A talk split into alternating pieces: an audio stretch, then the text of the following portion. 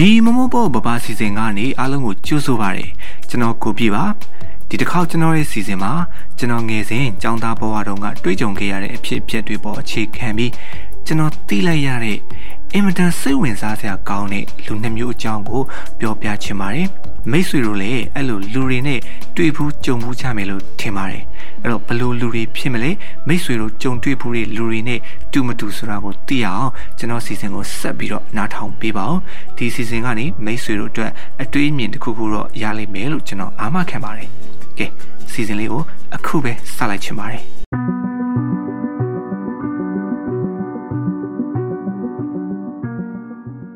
မင်္ဂလာပါရှင်မင်္ဂလာပါခင်ဗျာ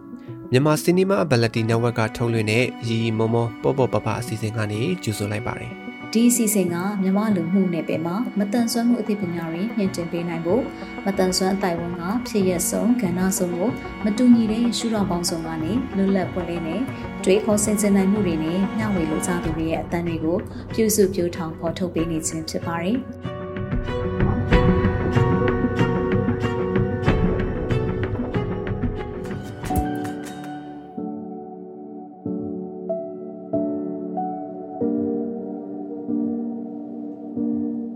ဘာပေါ်မှာလူတန်းပေါင်းများစွာရှိကြပါတယ်။အဲကဘာကြီးလို့ပြောရင်နည်းနည်းတော့ကြီးကျယ်သွားမယ်။ကျွန်တော်တို့နေထိုင်နေတဲ့ဒီနိုင်ငံအတွင်းမှာလူတန်းပေါင်းများစွာရှိကြပါတယ်။အဲ့ဒီလူတွေဟာလည်းတဦးနဲ့တဦးနေထိုင်ပုံတွေအကျင့်စရိုက်တွေစိတ်ဓာတ်တွေမတူညီကြပါဘူး။ဒါကိုလည်းကျွန်တော်အနေနဲ့လက်ခံထားပြီးသားဖြစ်ပါတယ်။မိတ်ဆွေတို့အနေနဲ့လည်းသိထားပြီးသားဖြစ်ပါတယ်။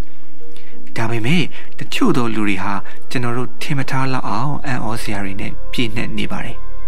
ကျွန်တော်ဘဝမှာလည်းအဲ့ဒီလိုလူတွေနဲ့အများကြီးတွေ့ကြုံခဲ့ပူးပါတယ်အဲ့ဒီတွေကကျွန်တော်သိတဲ့လူနှမျိုးအကြောင်းကိုပြောပြချင်ပါတယ်အဲ့ဒီလူနှမျိုးနဲ့တွေ့ကြုံခဲ့ရတဲ့အချိန်ကဟိုးလွန်ခဲ့တဲ့နှစ်ပေါင်း20ခန့်ကျွန်တော်ရှစ်တန်းနှစ်တုန်းကပေါ့အဲအဲ့ဒီတုန်းကတော့ကလေးတတာဆိုတော့အခုလိုတော့ကျွန်တော်မတွေးတတ်သေးပါဘူး အခုအသက်30ကျော်အရွယ်ရောက်မှရင်းကျက်တဲ့အတွေ့နဲ့အဲ့ဒီတုန်းကတွေးကြုံခဲ့ရတဲ့လူတွေကဒီလိုလူတွေပါလားဆိုတာကိုကျွန်တော်တွေးတက်လာတာပါကျွန်တော်ဟာခြေတော်တစ်ဖက်မတန်ဆွမ်းတဲ့သူတယောက်အနေနဲ့ရှင်တန်ကြီးပြင်းလာခဲ့ရပြီးတော့ပညာရေးဘက်မှာဆိုလို့ရှိရင်လေအတန်းထဲမှာစာတော်တဲ့ចောင်းသားတယောက်အနေနဲ့ဆရာဆရာမတွေအတန်းပေါ်တငယ်ချင်းတွေရဲ့ချစ်ခင်မှုဂရုစိုက်မှုတွေကိုလည်းခံခဲ့ရတဲ့သူတယောက်ပါဒါပေမဲ့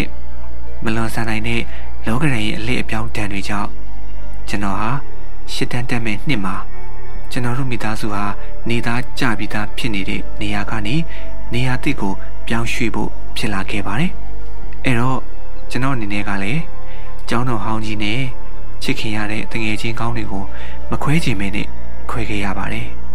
။နေရာတိတ်ရောက်တော့ကျွန်တော်ကျောင်းအစ်စ်ကိုပြောင်းခဲ့ရပါတယ် နေရာတစ်ကျောင်းတင်မှာ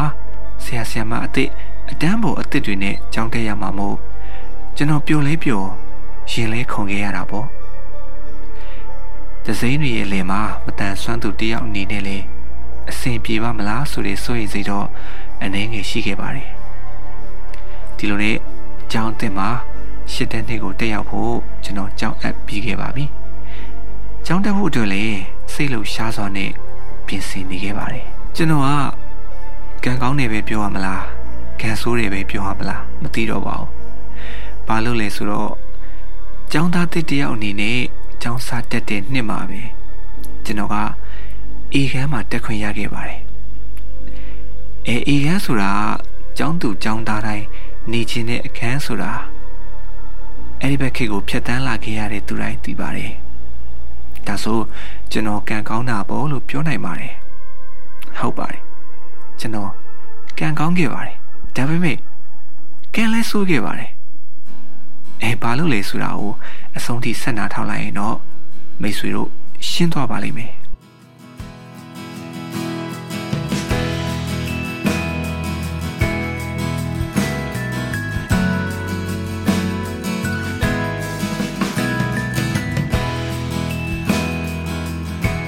အေခန်းဆိုတာက အားလုံးသိကြပြီးတဲ့အတိုင်းစာအတော်ဆုံးကျောင်းသူကျောင်းသားတွေစီကံအရှိဆုံးကျောင်းသူကျောင်းသားတွေအလိမ္မာဆုံးကျောင်းသူကျောင်းသားတွေပတ်စံရှိအတိုင်းဝိုင်းကကျောင်းသူကျောင်းသားတွေနေတဲ့အခန်းဆိုတော့ကျွန်တော်အတွက်တော်တော်လေးအဆင်ပြေမဲ့အခန်းလို့ထင်ခဲ့မိပါတယ်ကျွန်တော်ကလေငကိုတွေကမှခက်အေးအေးနေထိုင်တတ်တဲ့သူမို့ဒီလိုလူလိမ္မာတွေကြားထဲမှာပျော်ရမယ်လို့ ထင်ခဲ့မိပါတယ်စာတော်ဆုံးကျောင်းသူကျောင်းသားတွေရှိတဲ့အခန်းဆိုပေမဲ့လည်းစာမတော်တဲ့ကျောင်းသူကျောင်းသားတွေလည်းအနည်းငယ်ရှိနေပြန်ပါတယ်အဲကျွန်တော်ကတော့အဲ့ဒီထဲမှာအလေအလက်အဆင်ပေါ့ဗျာစာတော်တဲ့အထဲလဲမပါသလိုမတော်တဲ့အထဲလဲမပါပြန်ပါဘူးတော်တဲ့နေရာတော်ပြီးတော့မတော်တဲ့နေရာလည်းမတော်ဘူးပေါ့ဗျာအတမ်းမိုင်ဆီယာမကလည်းစီကအရန်ကြီးပြီးတော့ ရိုက်တဲ့နေရာမှာလည်းကျွမ်းကျင်တဲ့သူမို့အေကန်တခန်းလုံးအပြင်ရှစ်တန်းတန်းလုံးကပါသူ့ကိုကြောက်ကြရပါတယ်စာတော်တဲ့ကျောင်းသူကျောင်းသားတွေကတော့သူ့နာဝိုင်းဝိုင်းလေနေပြီးမြဲစာမတော်တဲ့ကျောင်းသူကျောင်းသားတွေကတော့ဝောင်ဝောင်ရှိကြပါတယ်ဒီလိုနဲ့အေကန်က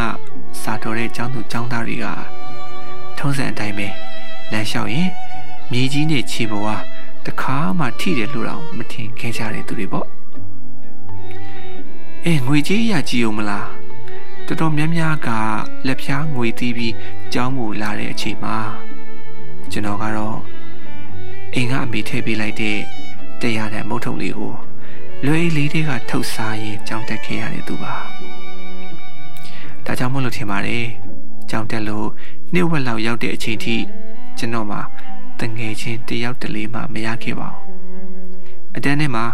မင်းထူးခေါ်ပြောအဆင့်လောက်တော့ရှိခဲ့တာပေါ့လေစားတော်ပါတယ်ပတ်စံရှိပါတယ်လိမ္မာပါတယ်ဆိုတဲ့အတန်းတွေကအရင်ကြီးဆုံးចောင်းသူចောင်းသားတွေကကျွန်တော်အဖက်မလုပ်ခဲ့ကြပါဘူးကျွန်တော်ဟာသူတို့အတွက်ကြိုးစားတစ်ခေါက်ဖြစ်နေခဲ့ပါတယ်စာမင်းရင်လည်းမရှင်းပြခြင်းကြောင့် assembly စီရင်အောင်မှ ကူညီမဲ့သူကိုမနှဲရှာရပါတယ်ဒီလိုနဲ့အတန်းထဲမှာနေပေါင်းများစွာကိုတယောက်သေးလို့လို့ဖြတ်တန်းခဲ့ရပါတယ်စာနာမလေလို့လည်းမမီးရဲပါဘူးအားလက်ချေအတန်းဖော်ရီစွန့်နေရင်တော့ကျွန်တော်မပါရေးခဲ့ပါဘူးပါလေမပါခိုင်းခဲ့ပါဘူးဆရာမကတော့ကျွန်တော်ကိုဂီယူဆိုင်ပေးဖို့တခြားចောင်းသားတွေကိုမှားချထားပေမဲ့ကိုရမှာတော့ဖာတိဖာတာပါပဲ ကျွန်တော်ကလည်းចောင်းသားတစ်လည်းဖြစ်ငကိုရီးယားမှာအေးအေးဆေးဆေးပဲနေတတ်တော့ဆရာမကိုပြန်ပြောရမှလည်းမသိပြန်ပြောပြန်ရင်လေတိုင်နေဆိုပြီးဆရာမကိုရကြရင်ကျွန်တော်ကိုရန်လာလုံနေမှာကိုလည်းကြောက်ရတာဆိုတော့ရင်ကုန်နှုတ်ပိတ်နဲ့ဒီခံနေခဲ့ပါတယ်အဲဒီလိုနဲ့နေလာရင်ဒီနေ့မှာကျောင်းခန်းထဲမှာအမြဲတမ်းလူလူ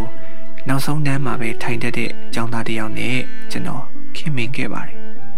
သူကပဲစပြီးတော့ကျွန်တော်ကိုစကားတွေလာပြောတယ်။သူနားမလဲတဲ့စာရီဆိုကျွန်တော်ကိုလာမေးတယ်။အားလက်ချိန်တွေဆိုကျွန်တော်အနားမှာလာထိုင်ပြီးစကားတွေပြောပြကြတယ်။သူကြည့်ရတာလဲခက်နွမ်းနွမ်းပါပဲ။စာလဲမတော်တဲ့အထက်မှာပါပါတယ်။အသားခက်ညွညွနဲ့သူ့ပုံကခက်ချမ်းချမ်းကောင်လေးတယောက်ပုံဖြစ်နေပါတယ်။ပစိုးတူတူဝစ်တက်လုံးလို့ခဏခဏအရိုက်ခံရတဲ့သူပါသူကလည်း ဟိုစားတော်ပါတယ်ဆိုတဲ့ចောင်းသားတွေနဲ့တိတ်ပြီးတော့ရောမဝင်ပါဘူးကျွန်တော်နဲ့ပဲရင်းရင်းနှီးနှီးနေဖြစ်ပါတယ်နောက်ပိုင်းကျတော့ကျွန်တော်လည်းအဖို့ရသွားခဲ့ပြီး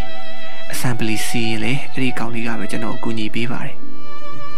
ကျောင်းမုတ်စီတန်းကိုလည်းအတူတူသွားပြစ်ကြပါတယ်ဆရာမကတော့ကျွန်တော်အဲ့ဒီကောင်လေးနဲ့တွဲတာကိုသိတဲ့ဘောမကျပါဘူးသူစီကမကောင်းတဲ့အကျင့်စာမတော်တဲ့အကျင့်တွေကူးသွားမှစိုးလို့ထင်ပါတယ်ဒါပေမဲ့ သူစီကနေကျွန်တော်ရလိုက်တာမကောင်းတဲ့အကျင့်တွေမဟုတ်ဘဲနဲ့မေတ္တာတွေရလိုက်တာပါကုညီဖေးမမှုတွေရလိုက်တာပါလူသားဆန်မှုတွေရလိုက်တာပါအဲ့ဒီတုန်းကတော့ခလေးတသားဆိုတော့ဒီလိုတွေတော့ဘယ်တွေးတတ်ပါအောင်မလဲဒီလိုပဲနေရင်ရှင်သန်ရင်းနဲ့လောကကြီးထဲမှာအရှိကကျွန်တော်ပြောခဲ့တဲ့ចောင်းသားစရိုက်နှစ်မျိုးလိုပဲလူတွေတော်တော်များများကိုတွေ့လာရတယ် အပေါ်ရဲ့အရှိကုန်းတွေကိုကြည့်ပြီးဒီလူကတော့လူကောင်းပါအထင်ကြီးစရာပဲဆိုတဲ့လူမျိုးတွေကလက်တွေ့မှာတော့အဲ့လိုလူမျိုးတွေမဟုတ်ကြဘဲနဲ့သူတို့ရဲ့ပညာငွေကြေးကြွယ်ဝမှုရုပ်ရည်ချုံမောလှပမှုကြော်ကြားမှုဒါတွေအပေါ်မှာရှစ်မူပြီးငါနဲ့မတူရင်လူမထင်တဲ့လူမျိုးတွေဖြစ်နေတတ်ကြတယ်အားလုံးကိုတိမ်ကြုံမဆူလို့ပါဘူးကောင်းတဲ့လူတွေလည်းရှိပါတယ်ဒါပေမဲ့ရှားတယ်ပေါ့ဗျာ ပညာမတက်ငွေကြေးမရှိတိုင်းလေသူကလူတော်လူကောင်းမဟုတ်ဘူးလို့အတက်မပြောနိုင်ပါဘူးလူနေမှုဘဝနှိမ့်ချနေပေမဲ့လည်းစိတ်ထားမြင့်မြတ်တဲ့သူတွေလူသားချင်းစာနာစိတ်ရှိသူတွေလူသားဆန်တဲ့လူတွေလည်းရှိနေပါသေးတယ်ဒါကြောင့်လူတွေကိုအပေါ်ယံကြည့်ပြီးဆုံးဖြတ်လို့မရနိုင်တယ်လို့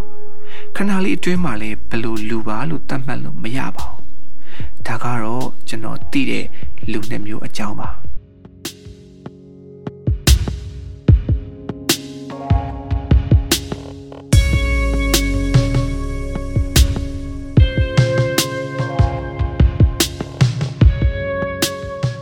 ကျွန်တော်အခုပြောခဲ့တဲ့အကြောင်းကကျွန်တော်ဖြတ်တန်းလာခဲ့ရတဲ့ဘဝအတွေ့အကြုံရပြောခဲ့တာတွေဖြစ်တာကြောင့်မိတ်ဆွေတို့ရဲ့မတူညီတဲ့ဘဝဖြတ်တန်းမှုတွေနဲ့ရှင်ကြည့်ရင်တော့အမြင်မတူတာတွေဖြစ်ကောင်းဖြစ်နိုင်ပါတယ်။ဒါကြောင့်လေလွတ်လပ်စွာကွဲလွဲလို့ရပါတယ်။ကျွန်တော်စီစဉ်လေးမှာအဆုံးသက်အနေနဲ့ပြောချင်တာကတော့လူတော်လူကောင်းဆိုတဲ့စကားလိုပဲကျွန်တော်တို့တွေဟာလူတော်ရောလူကောင်းရောဖြစ်နိုင်ရင်တော့အကောင်းဆုံးပါပဲ။ဒါပေမဲ့ ပြည့်ပြည့်စုံတဲ့လူသားရည်လို့မရှိတဲ့ဒီလောကကြီးထဲမှာလူတော်မဖြစ်ခဲ့ရင်တောင်မှလူကောင်းတယောက်ဖြစ်အောင်တော့စူးစမ်းကြရမှာဖြစ်ပါတယ်လူတော်မဖြစ်တာကကုကုကိုပဲထိခိုက်စေတာပါလူကောင်းမဖြစ်ရင်တော့ပဝင်းကျင်ကိုပါထိခိုက်စေပါတယ်ကျွန်တော်တို့လူတော်ဖြစ်လာဖို့ကတင်ယူလို့ရပါတယ်လူကောင်းဖြစ်လာဖို့ကတင်ယူလို့မရပါဘူးအဲဥပမာဘွဲရတယောက်ဖြစ်ဖို့ဆိုရင် ကြောင်တက်ပြီးစာကြိုးစားရင်ဘွဲရတယောက်ဖြစ်ကိုဖြစ်ပါတယ်ဒါပေမဲ့လူသားချင်းစာနာမှုလူသားဆန်မှုတွေကြတော့ကြောင်းတက်ပြီးဘွဲယူတယ်လို့လှုပ်ယူလို့မရပါဘူးကျွန်တော်တို့ရဲ့စိတ်နှလုံးနဲ့ပဲဆိုင်ပါတယ်အင်မတန်နူးညံ့တိမ်မွေ့တယ်လို့ဟန်ဆောင်ကောင်းပြနေလို့လည်းမရပါဘူးလူကောင်းတစ်ယောက်ဟာကြော်ကြားခြင်းမှကြော်ကြားပါလိမ့်မယ်ထင်ပေါ်ခြင်းမှထင်ပေါ်ပါလိမ့်မယ်ဒါပေမဲ့သူ့ရဲ့တမိုင်းကတော့အမြဲတမ်းလှနေမှာပါဒီလိုပါပဲ ကျွန်တော်ကိုယ်တိုင်လေးတော်အောင်ရောကောင်းအောင်ရောကြိုးစားနေပါတယ်။တေချာတာကတော့လူကောင်းတစ်ယောက်ဖြစ်ဖို့ပိုအာရုံစိုက်ဖြစ်ပါတယ်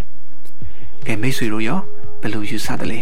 ။မိတ်ဆွေတို့ရဲ့အမြင်တွေကိုလည်းပွင့်လင်းရင်းနှီးစွာနဲ့ဆွေးနွေးခဲ့လို့ရပါတယ်။ဒီအစီအစဉ်လေးကိုတော့ဒီလောက်နဲ့ပဲအဆုံးသတ်ခဲ့ချင်ပါတယ်။နောက်အစီအစဉ်တွေမှာပြန်ပြီးတော့ဆုံတွေ့ပါမယ်။အဆုံးထိနားဆင်ပေးလို့ကျေးဇူးတင်ပါတယ်။။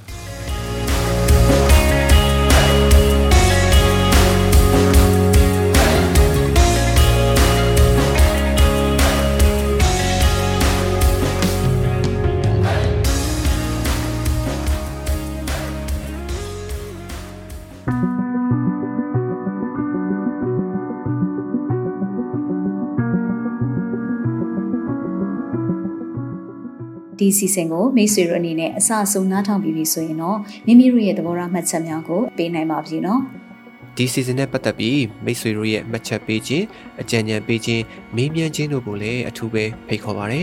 မိမိတို့ရဲ့ပူပေါင်းတင်ဆက်မှုအတွက်ဒါမှမဟုတ်စုံစမ်းမေးမြန်းမှုအတွက်မြန်မာ cinemability@gmail.com ဒါမှမဟုတ်တင်ဆက်သူများရဲ့ Viber နံပါတ်များဖြစ်တဲ့ကိုပြေ39 26125649နဲ့။မနွေ 39 453939 6939တို့ကိုဆက်သွယ်ဆောင်ရွက်နိုင်ပါတယ်။မိတ်ဆွေတို့အနေနဲ့ဒီစီစဉ်ကိုမတိသေးသူများတည်ဖို့လိုအပ်နေသူများမတန်ဆွမ်းအရေးကိုမိမိတို့ရဲ့လုပ်ငန်းခွင်အသီးသီးမှာထည့်သွင်းဆောင်ရွက်ဖို့စိတ်ဝင်စားသူညီသူကိုမဆိုထပ်ဆင့်ဝေမျှပေးရင်သတင်းကောင်းပေးနိုင်ပါတယ်။မြန်မာပြည်သူပြည်သားများအားလုံးမတန်ဆွမ်းမှုအသိပညာတွေတိုးပွားကခွဲခြားဆက်ဆံမှုကင်းပြီးအားလုံးအကျုံးဝင်တဲ့လူမှုအတိုင်းအဝန်တစ်ခုကို အမြန်ဆုံးဖော်ဆောင်နိုင်ပါစေလို့ဆန္ဒပြုရင်းဒီကနေ့အစီအစဉ်ကိုဒီမှာရင်ရန်နာပါရစေ။တောတာရှင်အားလုံးနေ့ရက်အသက်တိုင်းမှာကောင်းစည်းမင်္ဂလာပေါင်းများစွာရယူပိုင်ဆိုင်နိုင်ပါစေလို့လည်းကျွန်မကဆုတောင်းမြတ်တာပို့တာအပ်ပါတယ်နောက်ပတ်စနေနေ့ည9:00နာရီမှာပြန်ဆောင်ကြရအောင်နော်